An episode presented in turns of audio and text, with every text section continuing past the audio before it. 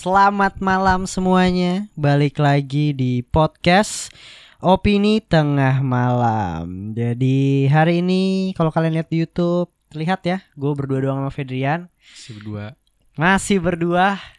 Dan hari ini pembahasannya tentang short animasi ya, ya? Iya, animasi animasi. Short animasi 12 menit yang bikin kelabu. iya sih Eh, benar. bener gak sih? Lu nonton kan? Nonton nonton. nonton. Jadi kita akan membahas If Anything Happen I Love You. Jadi di Netflix 12 menit tapi kita bukan bukan hanya ngebahas filmnya tapi ada ternyata ada backstory-nya ya, Bet. Ada ada. Atau bisa dibilang film ini itu terinspirasi dari Hmm.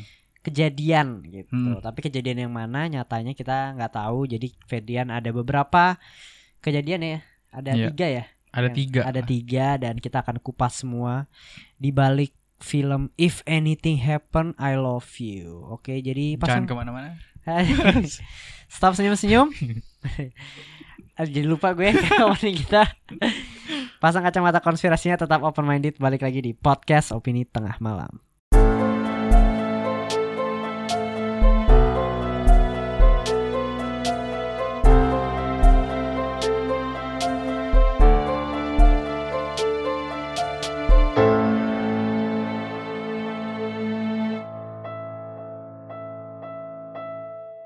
Nah, apa kabarnya para pendengar? Dua episode terakhir, Fet. Sebelum kita take a break sebulan, asik. Oh, dua episode ke depan nih. Dua episode ke depan. Kasih tahu aja nih. Kasih tahu aja lah.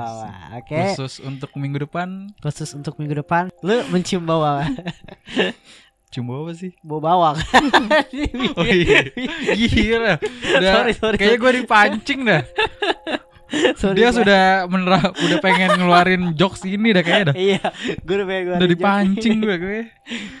kita kita akan berwibu-wibu ria ya. Mantap. Mantap. Kita akan Dua ber- tahun nih gue nunggu nih. Iya. lu ngasih tahu gue itu dari season 1. Iya. Iya, Attack on Titan. Sejujurnya gue malah tahu dari Faris sih sebenarnya. Iya, waktu SMA. Iya kan? Iya, Cuma mulai nonton duluan. itu pas gue kuliah. Itu lu ngasih tau gue pas season 1 dan season 2-nya running. Jadi kita harus nungguin seminggu Oh, sekali. Iya, iya, iya. Benar, Gitu. Season 3 kita nungguin dan Untung season 4 ya, terakhir. eh dari season 1 ke season 2 jedanya lama banget loh Bim pada iya, lu. lama lama lama. Gue kita untung juga sih cuma beda seminggu dua minggu ya. Dua keluar minggu, Langsung keluar. Iya kan? Iya. Itu lu ngasih tahu gue dan langsung gue tonton Attack on Titan. Tapi kita nggak cuma ngebahas apanya ya? Seriesnya mungkin kita akan ngebahas Attack on Titan ini mirip sama kejadian nyata gitu, Hmm. cuy. Jadi mirip sama antara Nazi dan Yahudi, ada mirip dengan banyak banyak banyak banget tokoh-tokoh dan kejadian-kejadian diambil dari film Attack on Titan ini Hmm. gitu. Nanti mungkin akan bareng Bagas Oke. biar bau bawang sih canda guys gue juga wibu nih gue nonton kan bukan yang ngatai oke dan eh sebelum masuk if, if anything happen I love you gue mau ngasih tahu ya buat kalian yang belum tahu dan atau mungkin yang udah tahu mungkin sedikit bosan Hmm? untuk episode yang mana namanya 9-11 gitu Oh, iya. ya untuk fullnya kalian bisa dengerin di Karya Karsa dan Betul. kemungkinan besar episode penutupnya take a breaknya nah take a breaknya itu kita bakal ngebahas konspirasi yang berat banget Ya. dan jangan lah, jangan kasih dulu. iya jangan ngasih tahu. Ya sih. kemungkinan besar ya itu mungkin Hmm. durasinya akan sejam lebih sih pasti Karena pasti akan sejam lebih empat host bakal berkumpul. nih. Iya, empat host Ada bakal berkumpul dan kita benar-benar akan ngupas teori konspirasi ini yang gila banget. Iya sih. Kita Yang- udah mulai research mah dari Dari- bulan lalu ya. Iya, kita dari bulan lalu ya, setahun lalu gitu kan. Idenya sih. Tapi kita uh, udah bener-bener tahu ini kasus ini udah viral banget, kasus ini sangat konspirasi Hmm. banget. Jadi ada tiga dan bla bla bla. Hmm. Ada tiga pokoknya. Tapi kayaknya kemungkinan yang kita ambil tuh uh, dua nih masih kita bingung nih kasus mana yang mau kita ambil. Ya mungkin nanti lah. Nanti ya. Iya. Nanti mau kasih tahu apa enggak? nanti aja lah. Tapi nanti kalau kita tahu, eh nanti kalau kita tahu, nanti kalau kita kasih tahu, bakal kita kasih tahu juga Bim ya. Buat mereka mungkin ada pertanyaan gitu. Oh iya, pasti. Pasti. Lu Jadi- pasti bakal gua kasih Ah, tahu. jadi nanti terkait. pertanyaannya mungkin bisa kita bahas gitu. Oke. Di, heeh. Berarti episode ini keluar besoknya lah, mungkin Jumatnya gue bakal lempar Iya. pertanyaan ya. Harusnya Mm-mm. kita udah udah keluar tuh. Hmm. Oke, keren banget. pokoknya tungguin aja episode terakhir opini tengah malam di 2020 dan 2021 semoga akan lebih bagus karena gua ada konsep baru Wet gue pengen ada konsep baru interview orang lebih nanya tentang film Hmm. kesukaan mereka gitu. Boleh, boleh. dan itu mungkin akan tayang minggu depan gitu oke sudah cukup bahasa basinya dan kita akan bahas if anything happen I love you gitu dan dari lu nih Hmm. gimana filmnya Aduh ini gue sebenarnya paling gak suka sih nonton film sedih sih hmm. jujur. Tapi yaudah gue gue coba sih. Emang dari awal dibuka ini animasinya udah udah sedih. sangat-sangat menurut lu animasinya oke nggak Oke sih kalau menurut gue sih. nggak perlu ribet-ribet ya nggak perlu kayak Inside Out yang 3D Heeh. cuma jatuhnya apa ya 2D 2D nih. Transisinya keren tapi iya Iya kan? kayak kayak ini tuh gak sih lu gambar yang lu beli di abang-abang tuh seribu yang kayak yang kayak kertas lu deret gitu ya Tau gak sih Hmm. Tahu mirip, pernah pernah. mirip sih kayak gitu cuma lebih bagus aja Hmm. menurut gua ini salah satu short movie yang gua pengen tidur gue mager nonton bingung nonton apa 12 menit gue coba dan Oh. nyata sedih banget gitu dan gue rekomendasi ke Ferdin gue tahu sih bukan genre lu banget ya Hmm. tapi lo nonton sampai habis Nonton. ketebak Apanya? ceritanya Jalan ceritanya sih ketebak sih, cuma penggambarannya aja gue nggak ketebak sih dari scene-scene ini, scene-scene itu gitu. dan itu langsung gue nyari ini based on true story atau enggak Oh.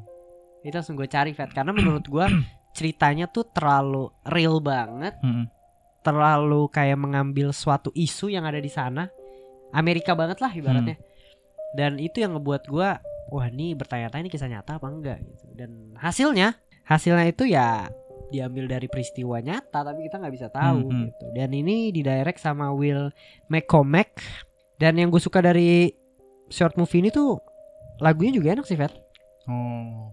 jadi buat kalian yang nggak tahu judul lagunya lagunya tuh masalah King Princess Hmm. 1950 Lagu tahun 1950. kagak judulnya Oh. kayaknya apa mungkin itu yang menggambarkan nggak tapi lagunya bener-bener relatable juga sih sama filmnya Hmm. jadi oke banget sih jadi nih tiga kasus penembakan dengan korban terbanyak nah kurang lebih ini ada apa ya mungkin ya prediksi atau atau mungkin bisa dibilang tiga kasus yang kemungkinan besar diambil dari film ini gitu Hmm, walaupun sebenarnya nggak menggambarkan sih ini kayak nggak satu pri- satu peristiwa khusus gitu. Cuma penembakan aja. Tapi menurut gue ini diambil dari peristiwa khusus, Fat. Karena ini Hmm. gue gak tahu ya, gue baca di IMDb. eh, yang pertama itu screeningnya, Heeh. premiernya Netflix itu ngundang para orang tua korban. Hmm. Orang tua korban yang kena terdampak itu diundang untuk screening eh, short movie ini Hmm. dan ya pasti kan Hmm. berarti kan dari sat- salah satu peristiwa ya. Hmm, Walaupun hmm. gue sebenarnya udah ada satu peristiwa yang ada di kepala gue dan gue yakin itu sih. Hmm. Gitu.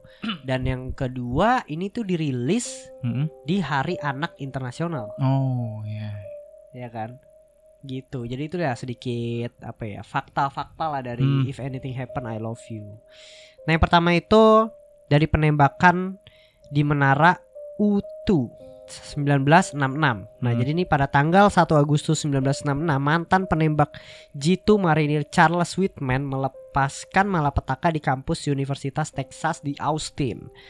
Nah, Whitman ini menempatkan dirinya di dek pengamatan di bagian paling atas menara yang adalah tempat yang tepat bagi seorang penembak jitu un- untuk memilih targetnya. Oh, jadi dia tuh kayak naik gitu. Iya. Di atas di atas gedung terus penembak, bener-bener penembak jitu, cuy. terus nembakin nembakin mungkin itu mahasiswa apa tuh? Iya, mahasiswa lah, kan nembakin universitas ya. iya, situ. Udah anjing ya. Dia Enak ngebunuh banget 14 orang dan melukai 31 lainnya. Nah, katanya si perilaku Whitman ini disebabkan oleh tumor yang ditemukan di otaknya, Fer. Ah. Jadi, menurut gue itu klise ya. Menurut gue ini mah terencana banget anjir ini mah kayak Hmm. Kebanyakan main game atau emang stres gitu loh.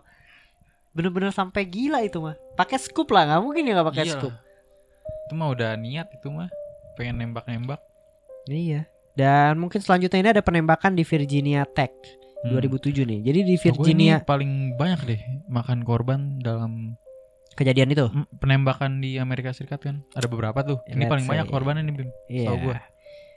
kita bacain dulu nih. Jadi di Virginia Institute and State University di Blackbird, Virginia diserang pada 16 April 2007. Siswa senior Cho Seung Hui membunuh 32 orang dan melukai 17 orang lainnya dalam dua serangan di satu asrama dan di gedung Sains dan Mekanik. Hmm. Gitu. Si Cho ini sebelumnya didiagnosis menderita gangguan kecemasan parah. Apa ya sih namanya? Anxiety disorder ya. Hmm. Kalau gua nggak salah ya. Di antara rekaman yang dia kirim secara pribadi di ke NBC News, Cho mengungkapkan kebencian pada orang kaya, membandingkan dirinya dengan Jesus dan menjelaskan bahwa dia dipaksa melakukan penembakan massal karena suara-suara di kepalanya. Cho akhirnya bunuh diri setelah penembakan tersebut. Ya kurang lebih itu kejadian kedua Hmm. yang kemungkinan mirip sama If Anything Happen I Love You. Masih kurang mirip lah menurut gue untuk ini. Sekurang ya. Masih kurang lah. Tapi cukup gila dia Hmm. nembak 32 orang Iya loh. matinya eh 32 orang meninggal 17 luka-luka gangguan jiwa katanya nah lanjutnya ini sih menurut gua ini yang menurut gua paling sangat relatable paling Hmm. sangat memungkinkan dan paling sangat eh, diambil dari kisah ini Hmm. yaitu penembakan di Marjorie Stoneman High School 2018 nah pada Februari 2018 seorang pria bersenjata melepaskan tembakan dengan senapan semi otomatis di sekolah menengah Marjorie Stoneman Douglas di Parkland, Florida menewaskan 17 orang dan melukai 17 orang lainnya. Penembakan diidentifikasi sebagai Nicola Cruz, siswa yang dikeluarkan dari sekolah Marjorie Stoneman. Setelah itu, Cruz melarikan diri dari tempat kejadian dengan berjalan kaki dan berbaur dengan siswa lainnya. Gokil nih orang. Ia ditangkap tanpa insiden sekitar satu jam kemudian. Ya, menurut gue ini karena kenapa? Karena dia masih siswa, Fe. Hmm. Karena kan kalau seandainya di apa ya kisah nyatanya ya, Hmm. eh di kisah nyata di filmnya short movie-nya itu dia juga masih bocil kan. Hmm. Jadi ya menurut gua ini salah satu peristiwa yang paling relatable sih Sama animasinya. sama animasinya. Tapi menurut lu gimana? Karena kan ini siswa yang di DO kan balik ke sekolah nembakin. Nah, Itu yang buat gua kayaknya kasus ini deh. Kan kalau di short movie-nya ya udahlah spoiler aja ya. Eh dia emang di sekolah kan. Yep. Dan eh, akhirnya meninggal sebelum Hmm. meninggal SMS dulu dan itu jadi Hmm. SMS-nya jadi judul filmnya mm-mm. gitu. dan cuma dikasih taunya tuh dikasih bendera Amerika Serikat doang ya. Iya, dia nggak menggambarkan jelas Ah. spesifik tentang kejadiannya. Tahunnya berapa nggak dikasih tahu, Ah. di sekolahnya apa tuh juga. Yes, tahu. betul banget. Nah, tapi buat eh, lu nih Vet, gue mau nanya, lu tahu nggak sih bayangannya itu sebenarnya jadi apa maksud gue? Nah, ini nih. Menurut gua juga animasinya emang gue pengen ngomong kayak ini animasi berat kayaknya. Kenapa? gue nonton jujur sih ada yang kayak scene ini gue ada yang nggak tahu sih, jujur aja. Maknanya. Heeh. Tapi kalau dari gue pribadi nih, mungkin pandangan gue ya terhadap animasinya yang hitam itu, bayangan Mm-mm. hitamnya itu lebih ke apa ya? Menggambarkan dia waktu dulu happy, dia waktu dulu. Oh. Makanya kan bayangannya kayak ayolah happy lagi kayak gini oh, gitu. Yang kayak Iya, iya, waktu bisa, anaknya bisa. mau ciuman ditahan Ah. di ini itu kayak menggambarkan kisah flashbacknya mereka Oh. waktu mereka masih happy banget waktu ada anaknya makanya kan di come on come on Iya, iya. gitu. Kalau gue nangkepnya malah ketakutannya sih. Cuma bisa juga sih emang Oh, masa lalu. iya iya ketakutannya ya. Heeh. Emang ada ini gak sih? Ada artinya gak sih? Lu baca atau lu nonton gitu? Kayak itu apa?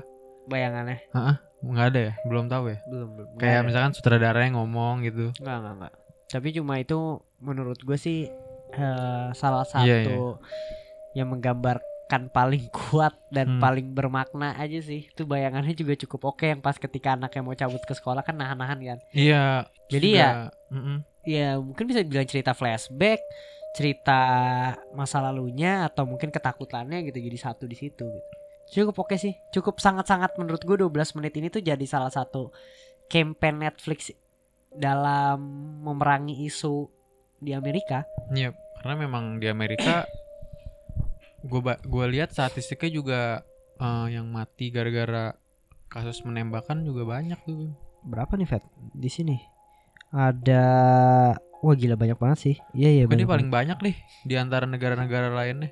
Karena senjata di sana bebas. Iya. Dan ada fakta unik lagi tuh dari statistiknya. Jadi Apa? katanya eh, dari 100 orang warga Amerika ditemukan 120 senjata. Jadi banyakkan senjatanya. Jadi Di- di- misalkan dibanding warganya. satu orang megang dua gitu. Ah, harusnya satu orang satu ya? Ya nggak harusnya nggak harus gitu sih. Cuma unik aja gitu kan. Iya iya. satu iya. orang bisa megang banyak gitu. Tapi menurut lu perlu gak sih senjata itu dilegalkan? Nah ini gue nggak tahu juga ya. Lu pribadi? Gue pribadi. Kalau menurut gue enggak sih di Indonesia sih enggak sih. Gue nggak kebayang begal udah Iya bukan pakai celurit lagi. pakai senjata ya. Iyalah. Indonesia tuh belum bisa lah ibaratnya dibebaskan secara bebasnya gitu. Karena jadinya orang bisa menggunakan senjata itu bukan sebagai membela diri. Iya. Banyak sih buat ngancem juga. Kalau lihat di Lambe Tura tuh, di Apa ya? tol biasa kan, dalam mobil Oh, buka kaca. Iya. Set Asik. anjay. Lalu mau ditembak bos bos. Oh ya gue bacain dulu nih kronologi dari Major Stone Man nih ya. Jadi lu deh gantian lah. Nih Hmm. mungkin secara singkat aja Fat. Eh, secara singkatnya Iya. yang kemungkinan besar nih diduga sih dari sini nih.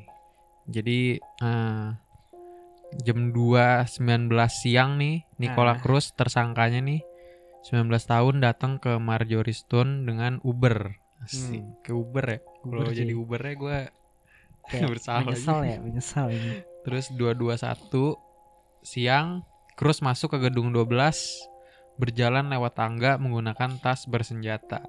Hmm. Terus 22 siang habis dia keluar dari tangganya itu tuh Hmm. dia keluar langsung nembakin koridor. Langsung Oke. tuh dia ngebredet tuh. Hmm. Terus mecahin kan mecahin kaca, nembakin kelas tuh lalu melalui jendela. Hmm. Terus dalam Hmm. 2 menit ia telah membunuh 11 orang dan mencederai 13 orang. Oke. Terus akhirnya ia ia mulai menembaki kelas lagi di 45 detik penyerangan terakhirnya dan membunuh 6 orang serta 4 cedera. Jam 2.28 Cruz meninggalkan senapannya di koridor lalu berlari keluar menuju selatan dan berbaur dengan kerumunan kampus.